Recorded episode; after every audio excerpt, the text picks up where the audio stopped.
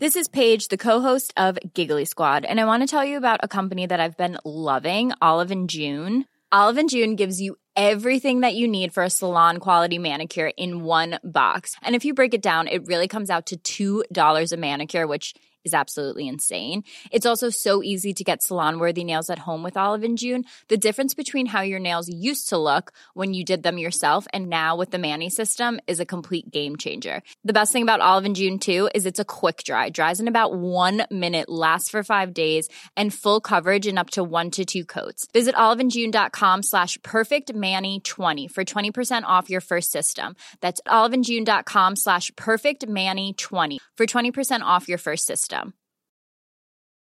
Hey, I'm Ryan Reynolds. At Mint Mobile, we like to do the opposite of what Big Wireless does. They charge you a lot, we charge you a little. So naturally, when they announced they'd be raising their prices due to inflation, we decided to deflate our prices due to not hating you. That's right. We're cutting the price of Mint Unlimited from $30 a month to just $15 a month. Give it a try at mintmobile.com slash switch. $45 upfront for three months plus taxes and fees. Promo for new customers for limited time. Unlimited more than 40 gigabytes per month. Slows. Full terms at mintmobile.com.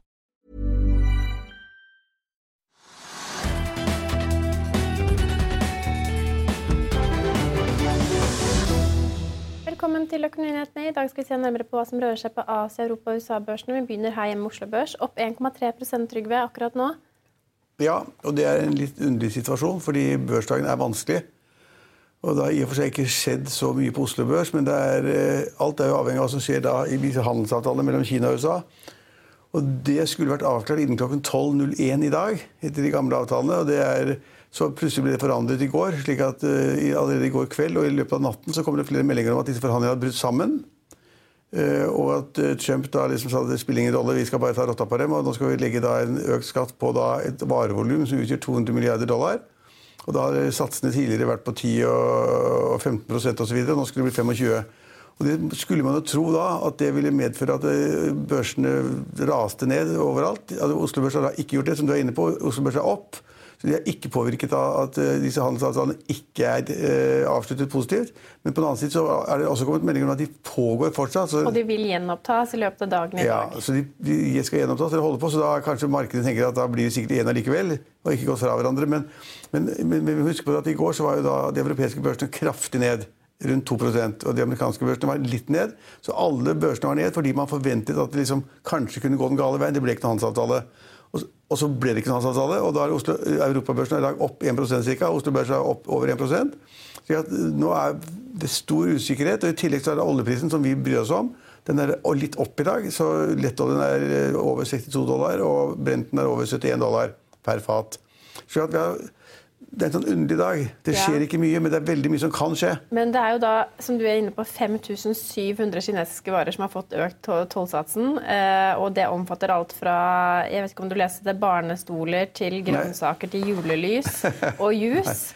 Men, Jeg holder meg til summen. Det er 200 milliarder dollar i varer. her var det en trussel fra Donald Trump som kom i helgen om at uh, fredag 12.01 så satte han i gang med nye toller. Men det er Nordahl. Det har han allerede gjort. Men børsene stiger. Betyr det at man nå forventer at Kina ikke kommer til å svare med økt tollsats, men heller ville intensivere arbeidet med å få på plass en handelsavtale? Nei, men det er to ting. Altså, hvis det ikke blir noen avtale nå, og den må da gjennomføres i dag, for nå er det så mye usikkerhet og pluss hit og dit, så hvis det ikke blir en avtale i dag, så tipper jeg at kineserne har en plan for å da legge toll på, på tollavgifter på varer som kommer fra USA til Kina, og det gjør de med en gang. Men det du sier nå, Trygve, er jo litt sånn Det, det liksom svarer ikke overens med børsene. For børsene på mandag reagerte jo med å falle kraftig på Ja, nyheten om at Donald Trump ville iverksette Ja, skattesatsene. Nå men- har han satt i gang i dag, men børsene stiger. Ja, det, det, det er en merkelig børsdag, for man skulle tro at da børsene ville falle, når de da på en måte hører at det ikke blir en avtale.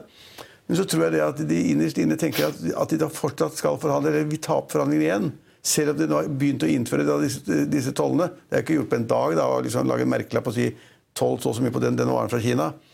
Men eh, at man da på en måte holder på, gjør at markedene kanskje tror at det, må jo bli en avtale. Det er en delegasjon på 100 personer som da har- har kommet til Washington.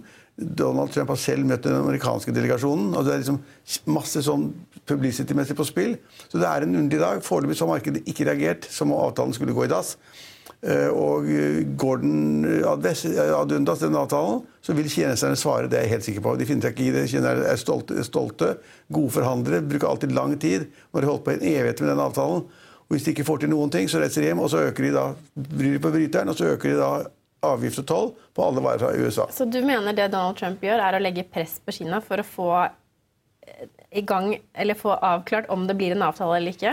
Ja, altså, Det gjør han hele tiden. Han er på en måte, Hans forhandlingsstatikk er å gå kjempehardt ut og kreve alt mulig rart og skjelle ut motparten og så håpe at de da blir så forferdet at de da går med på delvis krav.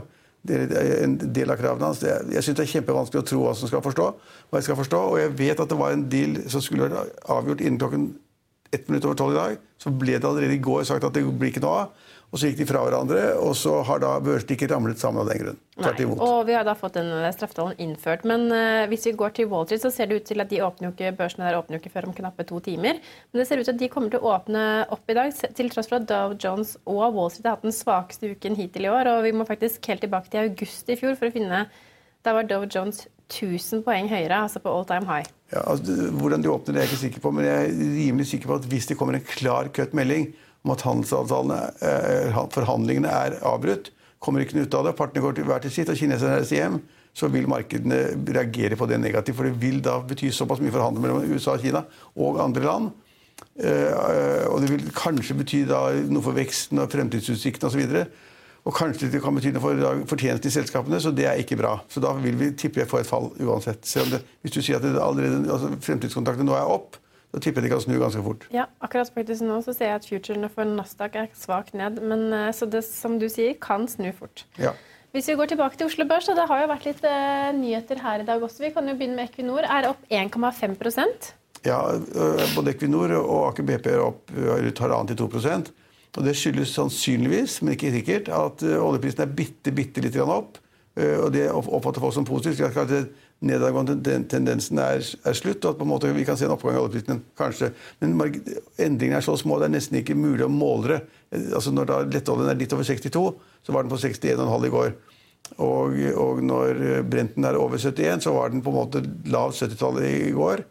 Så det er, det er, små endringer, men det er nok til å få de to oljeaksjene opp. Og så er det da også kanskje noe mer sånn stemning på Oslo Børs ved at uh, Aker har kommet med et tall i dag? Ja, altså De var jo knallgode. Vi må jo gå litt uh, altså, ja, men De altså, sier da det at de sier Nettoverdien i selskapet steg jo ganske kraftig fra ja, fjerde kvartal i fjor til første kvartal i år. Ja, det er Poenget at de gjør noe som veldig få gjør. da, De regner ut den verdijusterte egenkapitalen hver gang. Så ser de på hva da de selskapene de har aksjer i, hva er de verdt nå, hva var de verdt før? Så tar de da de aksjene som er på børsen, og tar de børsverdien. Og hvis det ikke er på børs, så finner de på verdiene selv nesten.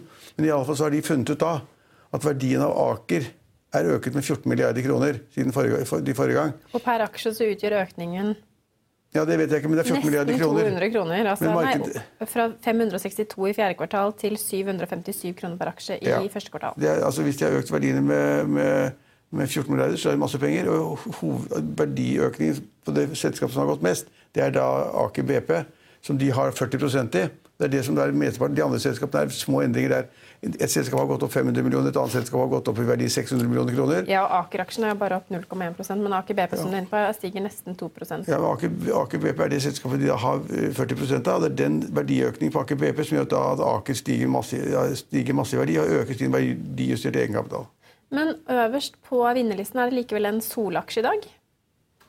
En solaksje? Aega som har solgt ja. alle sine solenergianlegg til et datterselskap av Mareccio Energia.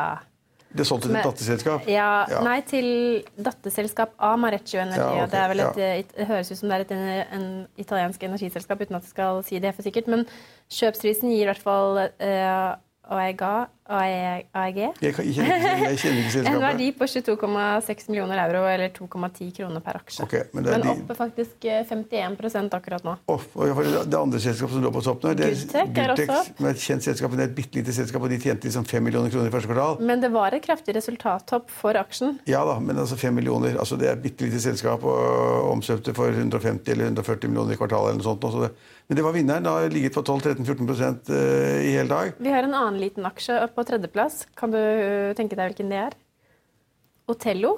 Nei, som også la frem uh, tall som hvor de satt igjen med tap på knappe 10 millioner dollar i første kvartal. Men DNB Market tror aksjen har mer å gå på og har en kjøpsanbefaling på selskapet med kursmål 20 kroner.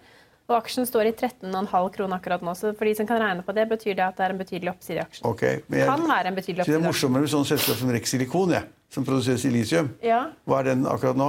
Skal vi se Finner den ikke Nei, men eh, den, burde, den burde jo være ned.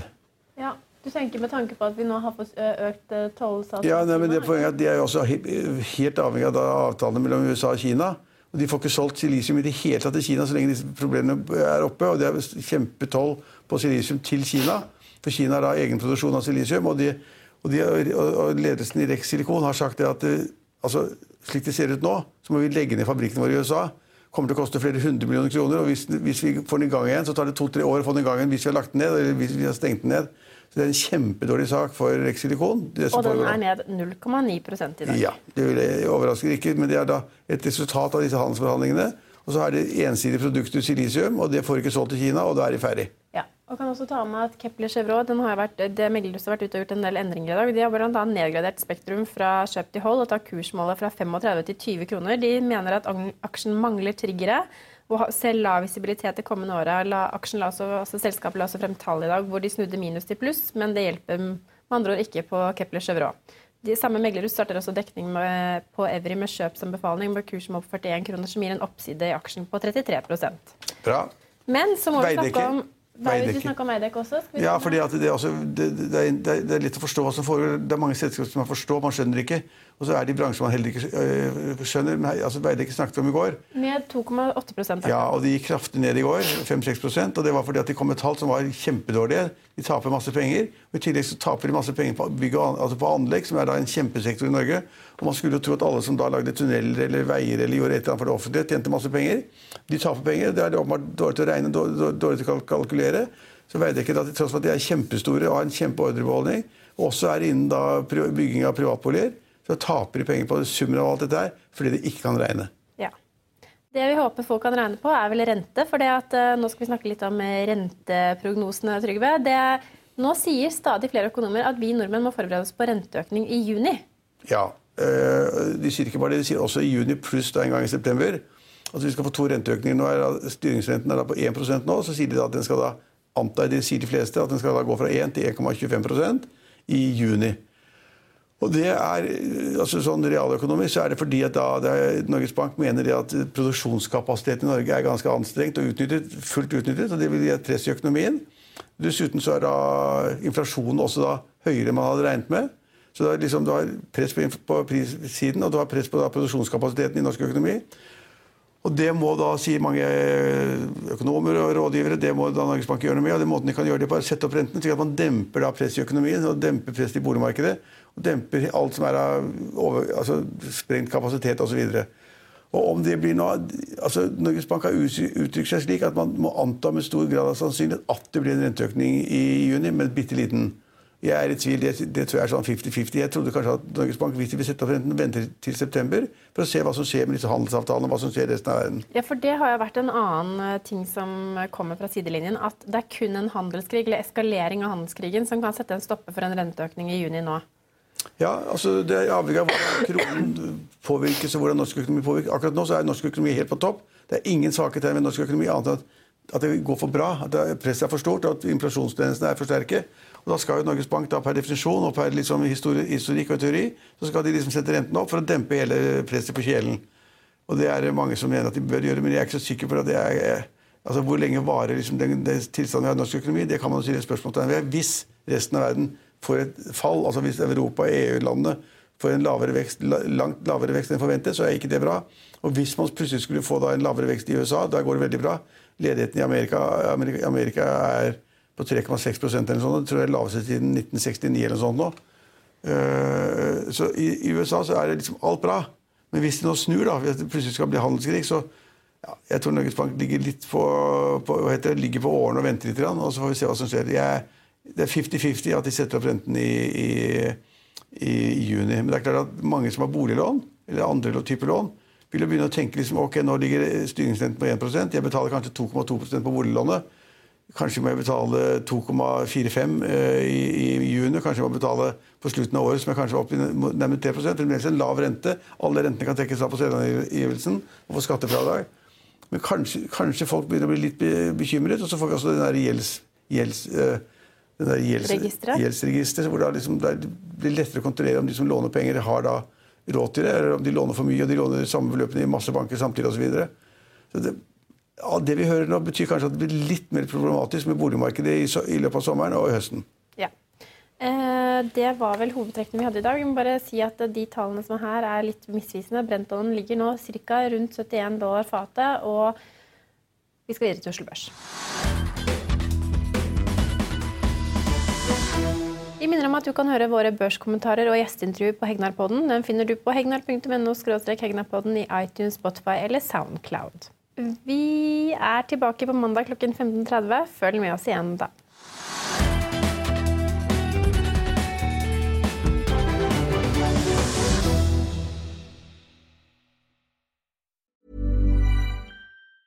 Hey, it's Danny Pellegrino from Everything Iconic. Ready to upgrade your style game without blowing your budget? Check out Quince. They've got all the good stuff shirts and polos, activewear, and fine leather goods, all at 50 to 80% less than other high end brands. And the best part? They're all about safe, ethical, and responsible manufacturing. Get that luxury vibe without the luxury price tag. Hit up quince.com slash upgrade for free shipping and 365 day returns on your next order. That's quince.com slash upgrade. Økonominyhetene er en podkast fra Finansavisen. Programledere er Marius Lorentzen, Stein Ove Haugen og Benedikte Storm Bamvik. Produsenter er Lars Brenden Skram og Bashar Johar. Og ansvarlig redaktør er Trygve Hegnar.